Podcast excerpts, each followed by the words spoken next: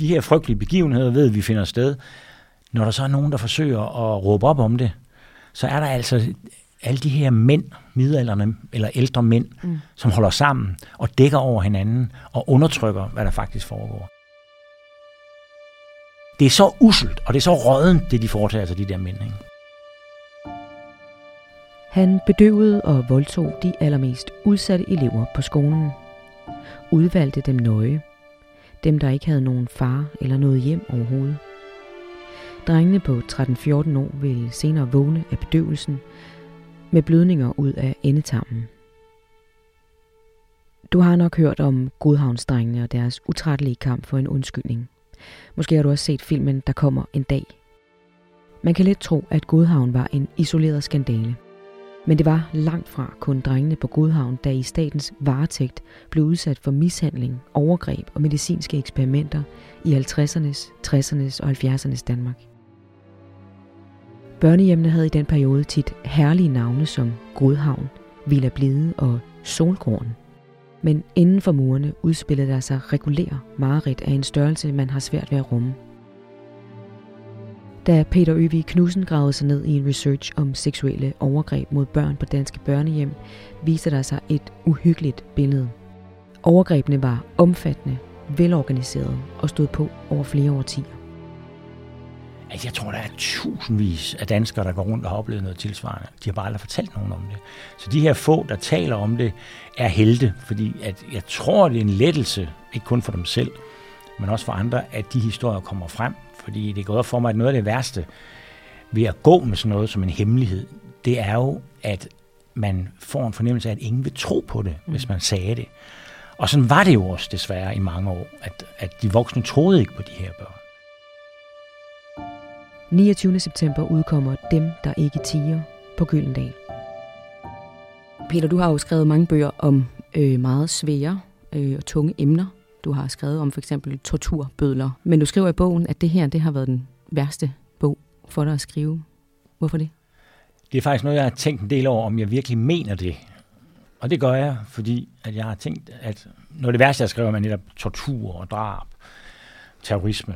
Øh, men det, der er det særlige her, det er jo, at det er børn, det går ud over. Mm. Og jeg synes simpelthen, det bliver værre, når det er børn. Og det er jo ovenikøbet nogle mennesker, der helt bevidst gør de her børn så ondt, man næsten kan gøre et barn. Vil du ikke faktisk introducere dig selv? Jo, jeg hedder Peter Øvig, jeg er oprindelig journalist, men har de sidste 25 år skrevet dokumentariske bøger om emner og begivenheder, som jeg ikke kunne lade være med at skrive om, fordi jeg synes, der var et eller andet nødvendigt eller et eller andet fascinerende. Altså, den her bog er ikke så meget skrevet på fascination, men, men det kan det også være. Øh, eller et eller andet, der er nødvendigt. Det, det, det må simpelthen have en bog. Undervejs i arbejdet med din nye bog, Dem, der ikke tiger, der blev du selv indlagt øh, på Rigshospitalets lukkede afdeling med en svær psykotisk depression. Hvordan var det egentlig at skulle skrive om det her, og skrive den der bog, når du selv lige er kommet ud og ser lys for første gang i lang tid? Ah, men da jeg kom ud der, der, der vidste jeg godt, at det ikke var den her bog, jeg skulle øh, skrive videre på, eller arbejde videre på. Der var øh, en anden, der skulle skrive, hvor jeg beskrev min egen øh, tur som sindssyg. Og så, øh, da jeg havde skrevet den, så var der så en til, der skulle skrives øh, om, om samme tema. Så det er jo først efter de to, mm. og noget på afstand af min sygdom. Men jeg har faktisk jeg er faktisk gået lidt fra den her bog et par gange, fordi jeg synes, at det faktisk på en måde var for sort, og måske ville påvirke mit humør og mit liv og min sindstemning øh, for meget. Så det er jo kun fordi, at jeg undervejs har opdaget, at der også var nogle heldige i den her historie, at, at jeg så tænkte, okay, så kan jeg godt, for der skal være, altså, der er nødt til at være noget lys øh, i den historie, fordi hvis jeg ikke kan holde ud at skrive den, så er der altså ikke nogen, der kan holde ud at læse den. Der var en, en tid, hvor, øh, hvor børns ord ikke skulle tages alvorligt. Ja. Men dengang i 60'erne og 70'ernes Danmark, hvad var det i øvrigt for en tid? Det var der, jeg selv øh, var barn, og der var det jo stadigvæk sådan, at de, at, at, at børn skulle tige stille, når de voksne talte. Men så begyndte der at ske noget, især i slutningen af 60'erne. Men de her børnehjem, de lever på en måde i den gamle Danmark, altså 50'ernes Danmark. Det er der, hvor der er en forstander, og det er ham, der bestemmer. Og han er sådan en slags konge i det her øh, lille kongerige, som et børnehjem var på det tidspunkt. Øh, også en konge i det der lokalområde, hvor han er en af de store mænd, det er altid mænd, ikke?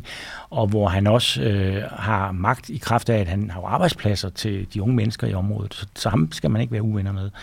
Så, så det er ligesom om, at det gamle Danmark, det overlever jo. Altså det er jo samtidig med, at hippierne løber rundt og er nøgne, der er der nogle mænd, øh, magtfulde mænd, der sidder på de her børnehjem, og som ovenikøbet øh, er med til at skjule, hvad der faktisk foregår øh, for omverdenen.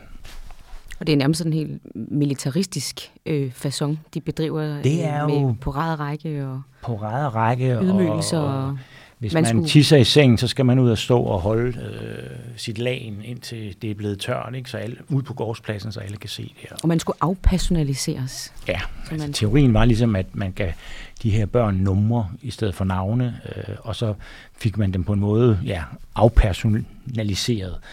Og så byggede man dem op som gode samfundsborgere, som man regnede med skulle være kommunalarbejdere og grave nogle grøfter og, og lave den slags manuelt arbejde. Det var ligesom det, de kunne bruges til. Man kiggede aldrig efter, om nogle af de her børn og unge mennesker faktisk skulle have nogle andre kvaliteter. Det var, der, det var helt udelukket. Mm.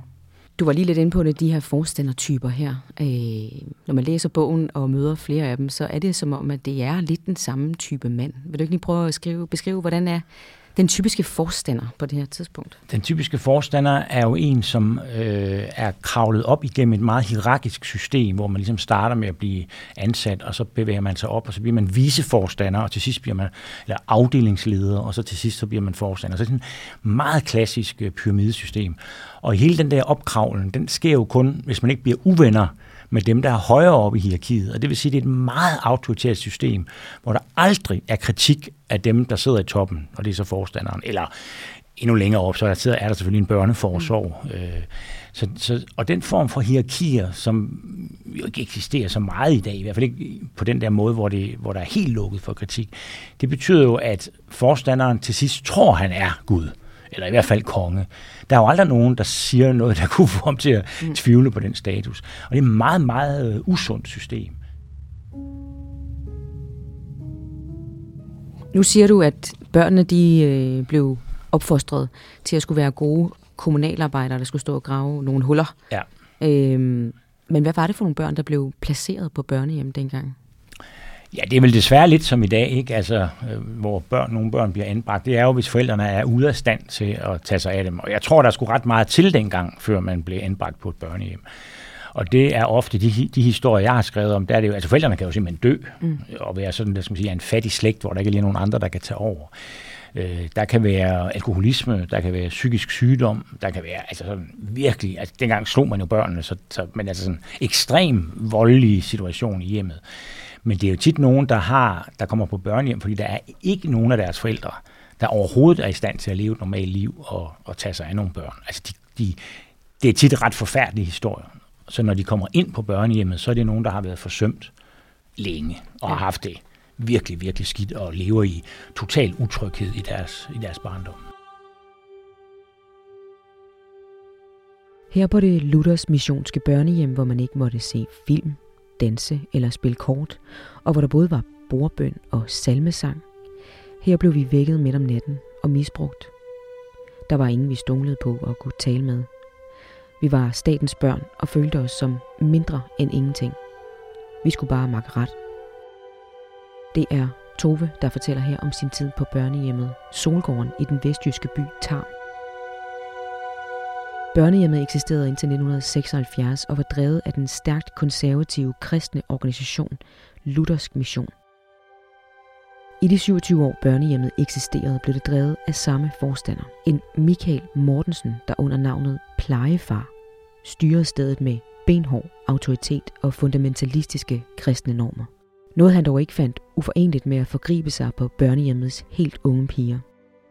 Under lysende kors og religiøse billeder begik plejefar utallige overgreb og voldtægter mod piger, der endnu ikke var kønsmodne.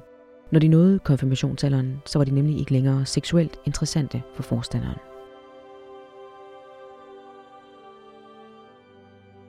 Tove lå i sin seng og hørte lydene fra sin storesøsters værelse på den anden side af gangen, og hun havde de lyde.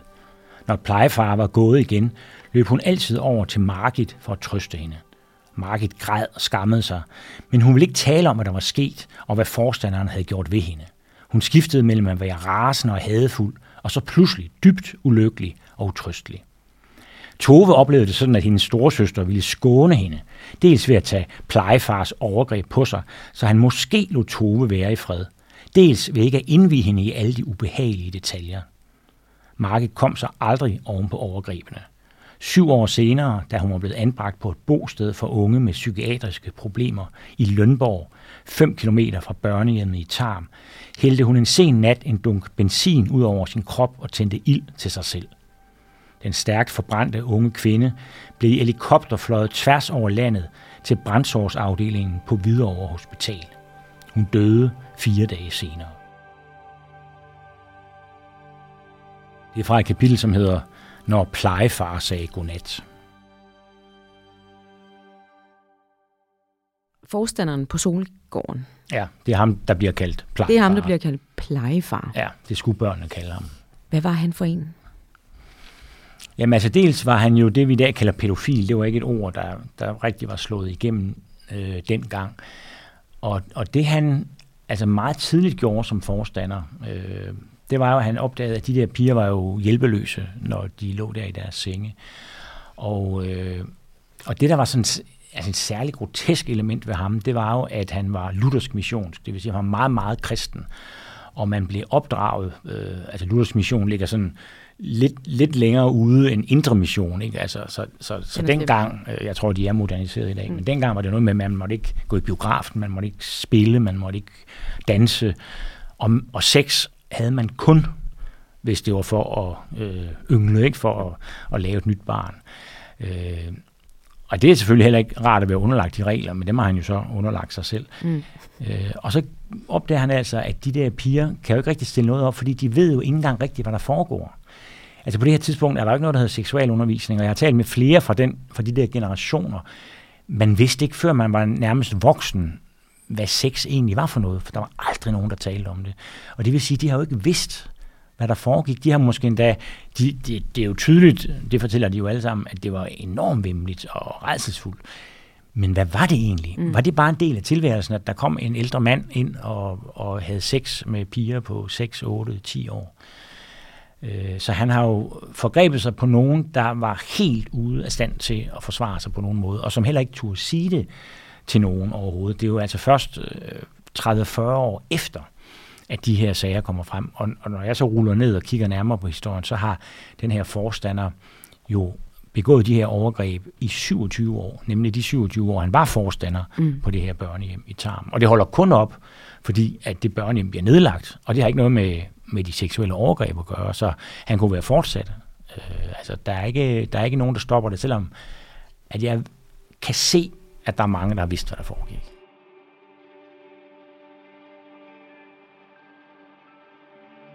En tidligere ansat på Solgården, som du også citerer for sådan her i bogen. En gang jeg kom ned i kælderen, uden at plejefar havde nået at høre mig, havde han fingrene ind under tøjet på en af pigerne. Han skyndte sig at give slip på hende. Tårne trillede stille ned af kinderne på pigen, og de andre var også voldsomt oprevne. Så der er altså ansatte, der jo griber forstanderne det her på færsk gerning, ja. og som der også er nogle af dem, der påpeger, der var folk, der vaskede vores undertøj, og det er jo ikke normalt, at små piger har øh, blod Nej. i deres underbukser. Nej. Hvordan kunne det her fortsætte? Det har jeg også meget svært ved at forstå.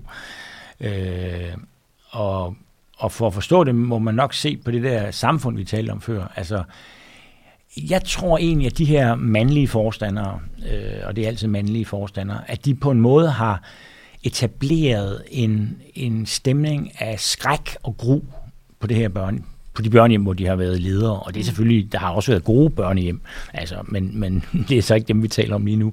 Altså, jeg tror, hvis man har set Lars Mikkelsen spille forstander øh, på Godhavn i, i den spillefilm, der hedder Der kommer en dag, så har man lidt en fornemmelse af, hvordan man må være bange, både som ansat og der i særdeleshed som barn, ja. fordi man kan når som helst blive udsat for frygtelige øh, afstraffelser. Så, så det er jo det ene element, at der har været den her skræk, som ikke kun har ramt børnene, men også de her tit unge kristne kvinder, øh, 19-22 år, som ligesom har arbejdet på det her børnehjem Solgården. inden de skal videre på husholdningsskole, eller hvad de nu skal. Øh, og der har skulle utrolig meget til for overhovedet at gøre noget, altså for prøve at gøre opmærksom på det her. Mm. Og det er der så faktisk, og det synes jeg jo også er helte. Der er faktisk på Solgården nogle unge kvinder, som jeg så har mødt, nu er de så nogle øh, stolte ældre ja. kvinder, øh, som dengang har forsøgt at gøre noget. De har skrevet et brev, de har sendt det til børnehjemmets bestyrelse. Men, men det, de ikke har vidst, det er jo, at, at det der børnehjem med en mandlig, ældre mandlig forstander, det har alle sammen været jævnaldrende mænd, der ligesom har siddet og været i bestyrelsen, og, og, og, og de magtfulde mænd i mm. det her lokalsamfund har alle sammen været en cirkel. Det har været nogen, der har øh, været venner. Øh, altså det, det er jo forfærdeligt. Altså hvis det var en film, ville man jo næsten ikke kunne holde det ud. Mm. Øh, ligesom der jo er nogle af pigerne, der på et tidspunkt, og det har også været en, en, en handling, der har krævet virkelig meget mod. Altså nogle af de her små piger, de løber jo ned til den lokale politibetjent i Tarm og fortæller ham, hvad der foregår. Og så siger han, jeg kender forstanderen, I skal ikke komme med sådan nogle løgnehistorier, så ser jeg komme hjem igen. Ikke? Og det her med, at der faktisk er nogen, der... Altså, de her frygtelige begivenheder ved, at vi finder sted. Når der så er nogen, der forsøger at råbe op om det, så er der altså alle de her mænd, midalderne eller ældre mænd, mm. som holder sammen og dækker over hinanden og undertrykker, hvad der faktisk foregår. Og, og selvfølgelig er overgrebene i sig selv det mest forfærdelige. Men jeg er altså ærligt talt også blevet harm på en måde, jeg sjældent er blevet af at opdage, hvordan de her mænd har dækket over hinanden. Ikke? Og det gælder også andre børnehjem, hvor Altså man kan godt have mistanke om, om der har været flere pædofile på spil. Altså er det, er det det, der har bundet dem sammen? Men det aner jeg ikke. Det, det kan jeg ikke dokumentere. Men i hvert fald, at uanset hvad der, hvem der råber op, så træder de ligesom til og sørger for, at det der det bliver faret ind under gulvtæppet en gang til. Ikke? Og det sker gennem 27 år.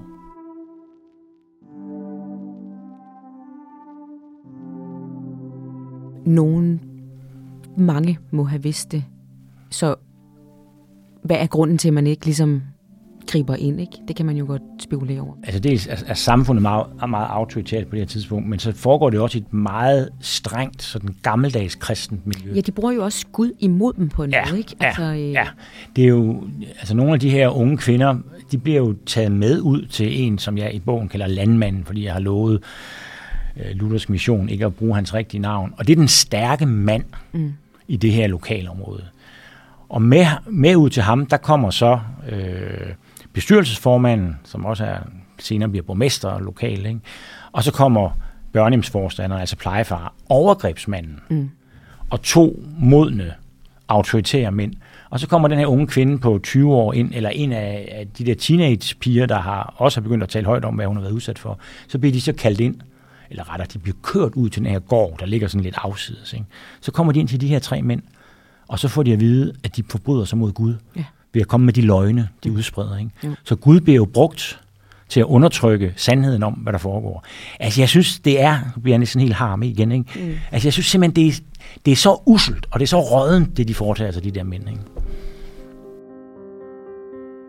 Forstander Ankerstrøm mødte nogle gange til time i morgenkåbe efter at have høvlet de første par guldbejere. Han brugte gerne vold mod eleverne lige fra morgenstunden. Det kongelige opfostringshus, eller Skorpeskolen, som den blot kaldes, blev oprettet af kong Frederik den 5. helt tilbage i år 1753. Men det var meget lidt kongeligt, det der senere skulle udspille sig i herregården ved Strandvejen. Skuespilleren Kim Jansen, der boede på kostskolen sidst i 60'erne, summerer det helt kort op sådan her. Skolen havde en syg kultur, domineret af alkohol, vold, pædofili og beroligende medicin. Matematiklæreren Willy Nielsen var et eksempel på den terror, der mødte drengene på hjemmet i den periode. Gennem 10 år udsatte han et stort antal drenge på kostskolen for et omfattende, velorganiseret og overordentligt voldsomt seksuelt misbrug. Men ved frokosttid dagen før juleaften i 1978 kører Willy Nielsen frontalt ind i et træ med sin bil og omkommer.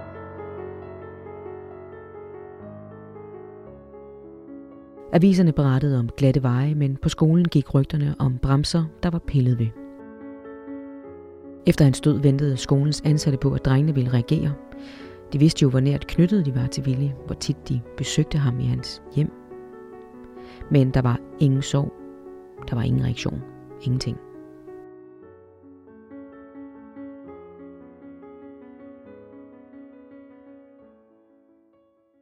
Bogen som oprindelige titel var jo øh, Oscar er en held. Ja. Hvem er Oscar? Ja, altså Oscar, han er nu en, en 88-årig mand, som er en af de mest livskraftige mænd. Altså han er faktisk blevet lidt et idol for mig. Hvis jeg kan blive gammel ligesom Oscar, så er jeg meget lykkelig for det. Ikke? Han bor i et lille hus nede i Charlottenlund, han altid har boet i med sin familie. Og, øh, og så er han altså blevet uddannet, altså han kommer fra en fattig opvækst øh, inde midt i Jylland. Øh, der, er ikke, der er ikke nogen sølvskære der. Øh, og så vil han gerne øh, hjælpe børn, fordi hans egen øh, bror er kommet på børnehjem, og det interesserer ham det her med, hvad, hvordan hjælper vi mm. børn. Han bliver først skolelærer på Vesterbro i København, og så læser han til psykolog, og så er det, at han bliver øh, inspektør i, i børneforsorgen.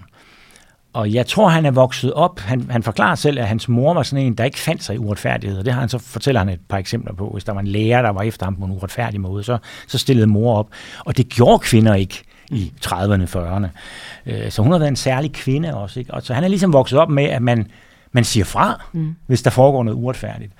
Fordi han bliver jo, da han så for det første øh, griber til ikke at anmelde, eller ikke at melde sin ankomst, når han skal ud på inspektion. Han jeg fortalte lige først, hvordan havde, ja, altså, tilsynet han, normalt dengang, ja, hvordan foregik det? Normalt foregik tilsynet på den måde. Man havde måske 100 børnehjem, de var fire inspektører. Øh, og der var rigtig mange børnehjem i Danmark på det tidspunkt, og skolehjem.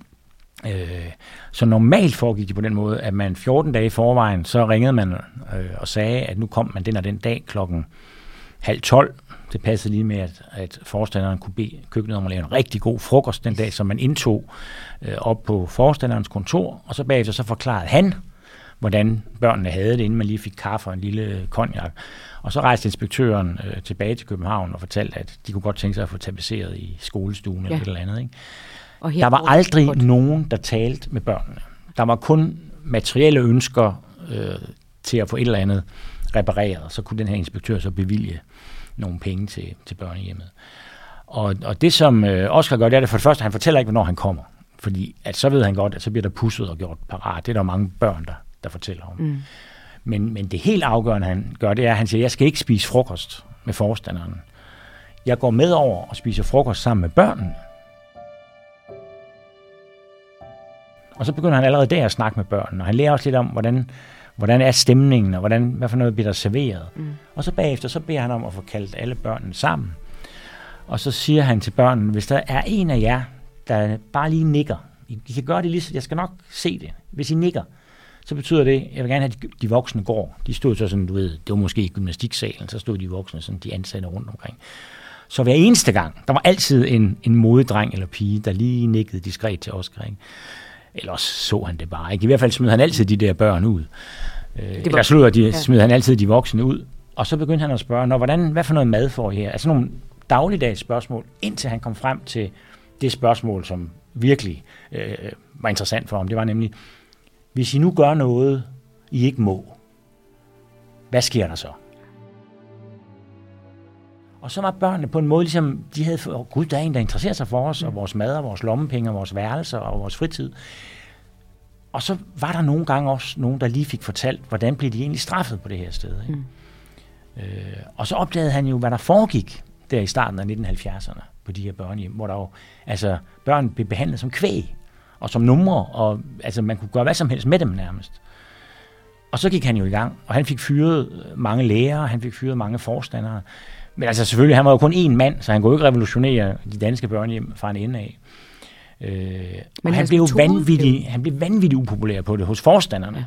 Forstanderforeningen klagede, og der blev lagt sager ind mod ham og alt muligt, men, men øh, han, han tog det altså fuldstændig roligt. Og så var han heldig at have en chef inde i børneforsorgen, direktøren for børneforsorgen, som ikke selv egentlig havde opfordret ham til det, men som på en måde må have haft en fornemmelse af, at Oscar, det var fremtidens mand, og ham skulle man nok lige, lad os lige se, hvad der sker, hvis man gør det på den her måde. Han i hvert fald stod chefen bag ham. Ja, der skal ryddes op i det her. Ja. Mindes jeg, der var en, der fik ja. sagt. Ja.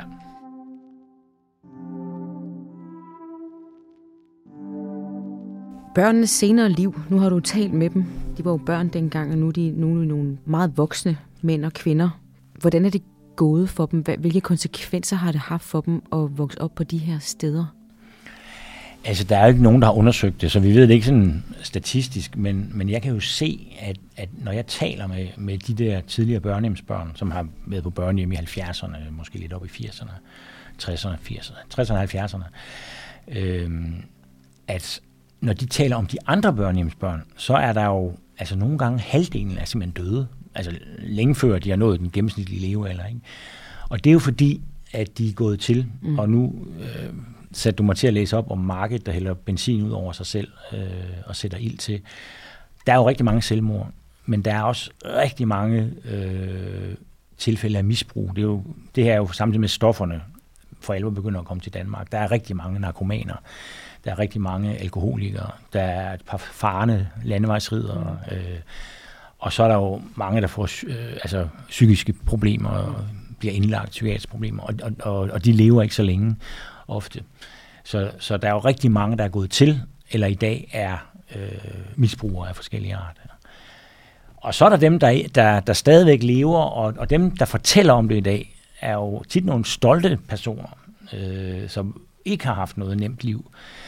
Øh, men det, jeg kan se gælder for mange af dem, det er, at de bor jo alene. Mm. Altså, de har fundet ud af, at altså for eksempel Margits øh, lillesøster, der Tove, som, som fortæller om Margits selvmord, hun, hun lever jo alene i dag. Hun kan ikke øh, leve sammen med en mand. Det har hun opgivet for mange år siden. Øh, det har jeg hørt flere af dem sige, at det der med at få et andet menneske tæt på, det duer ikke rigtigt. Mm. Og hvor meget, jeg har ikke spurgt de her mennesker, hvor meget sex de har haft i deres liv, men, men jeg kan høre, at, at det for mange, måske især altså, i det gamle Jylland, i de her kristne miljøer, ikke? altså, de har fået ødelagt deres sexliv mm. i rigtig mange tilfælde. Øh, så, så, så de er jo blevet frataget sex og kærlighed og samliv har været svært eller umuligt for dem. Og, altså ærligt talt, øh, er det jo noget af det smukkeste og dejligste, vi har i tilværelsen. Hvordan får du dig egentlig til at føle, når man først kan man først erfarer, hvor brutale overgreb de her små drenge og piger har været udsat for, og bagefter, når man opsøger dem og hører om deres liv, finder ud af, at det har det er også lemlæstet. Altså det, det er et livslangt Ja, det er faktisk... Afstraffelse. Øh, ja, det er faktisk livslangt i mange tilfælde. Øhm, jamen altså, det er jo... Ja, altså, jeg, jeg tror aldrig, jeg har haft det så svært ved nogle personer, som de overgrebsmænd, jeg skriver om i den her bog. Fordi at de påfører jo de her børn en smerte i deres barndom, for det første, ikke? Mm. men jo også, og det var jeg faktisk ikke klar over, øh, altså det virker som om, det faktisk er meget, meget vanskeligt at komme over. Ja. Og det vil sige, at det er en, det er en, de, de får ødelagt store dele af deres liv for evigt, eller for resten af livet. Ikke? Mm. Øh, og det ved jeg da ikke, om de der mænd har været klar over, men, men ja, på en måde er det noget af det mest ondskabsfulde, jeg, jeg er stødt på. Altså fordi det er, altså børn er jo per definition uskyldige. Mm. Altså en otteårig pige har jo, altså vi kan jo ikke sige, at hun på nogen måde har været årsag til noget som helst. Og det kan man jo i mange andre sager mellem voksne mennesker diskutere lidt. Øh, er det 100% den ene part, der er skyldig? Men det kan man ikke diskutere her. Det er 100% nogle mænd, der altså har været perverst ondskabsfulde. Ja. Måske er det også, fordi det først er i de her år, at man begynder at rulle de her sager op, at man faktisk opdager, at børn kommer aldrig over det her. Nej. Altså, der står grænvoksne mænd øh, og græder. Nu siger jeg grænvoksne, det er så meget modne mænd. Ja, og meget græder, modne mænd. Endnu modnere end mig. ja, og græder øh, som pisket, ja. når de får en undskyldning mm. øh, af statsministeren på statens vegne. Ja det siger jo noget om, at det, det her, det er... Det kommer man aldrig over. Nej. Og det har jeg også, altså jeg, jeg undrede mig måske også over, at det var så vigtigt og så betydningsfuldt for de her mennesker at få en undskyldning fra, fra statsministeren der i 2019. Men, men det, har jeg, jeg har, det, det er ved at have forstået, fordi det handler simpelthen om, det, det der er vigtigt for dem, det er, at der er en, og det er så ovenikøbet statsministeren, som siger, vi tror på jer. Fordi det, de har mødt hele deres liv, hvis der, altså de fleste har jo ikke sagt noget, fordi det er så skamfuldt, og man er så bange for ikke at blive troet. Ikke? Mm. Men dem, der har forsøgt at fortælle om det her, de er jo tit blevet mødt med, at der ikke er nogen, der har troet på dem. Altså lige fra de var børn, og så op til, til nutiden. Så, så det, der er vigtigt med den undskyldning, det er måske ikke så meget undskyldningen. Det er, ligesom at der er nogen, der siger, det er rigtigt nok. Du har været udsat for forfærdelige ting. Vi tror på dig. Ja. Undskyld. Undskyld.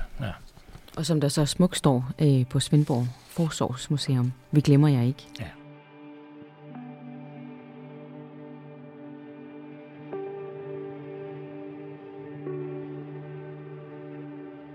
Bogen hedder jo Dem, der ikke tiger, ja. og du skriver i den, alle, der taler højt om seksuelle overgreb, som de har været udsat for, er helte.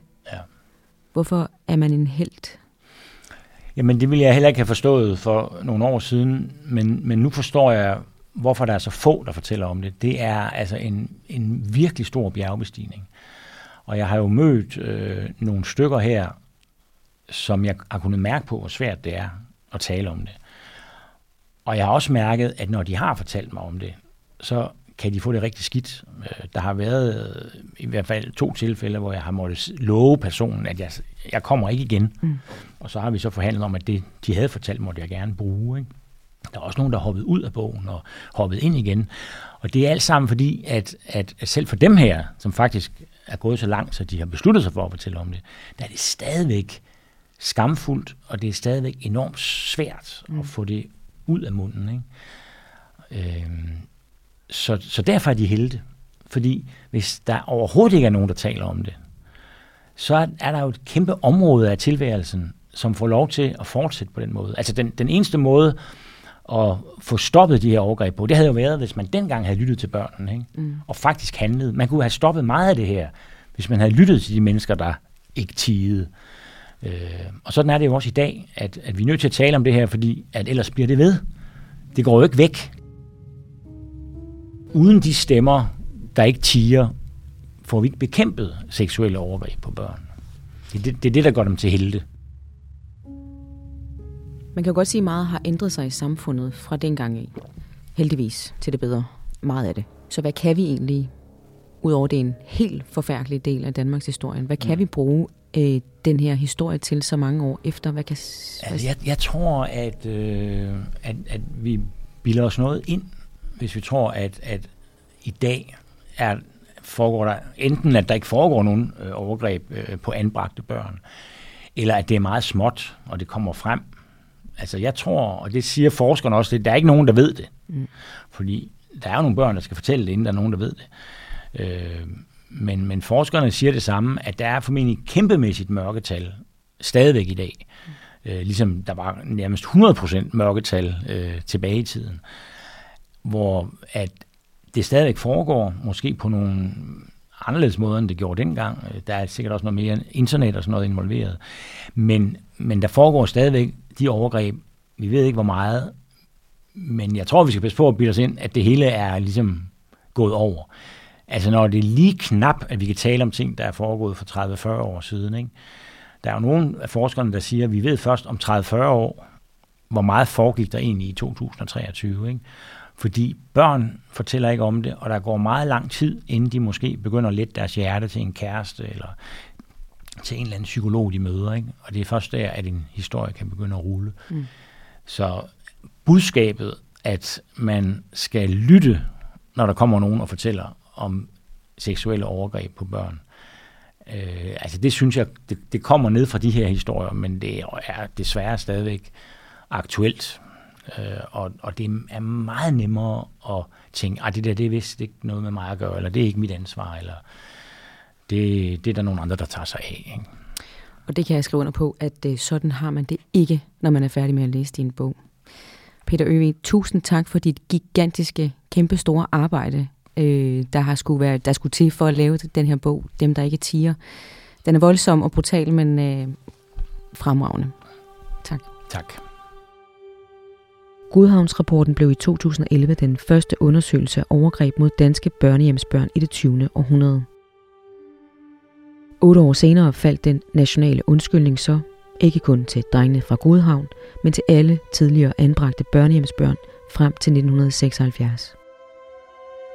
I stedet for omsorg fik I tæsk. I stedet for varme blev I mødt med ydmygelser og overgreb.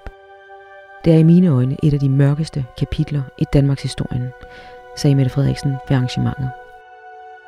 Store voksne mænd græd den dag på Marienborg, da statsministeren Endelig sagde ordene. På vegne af Danmark. Undskyld.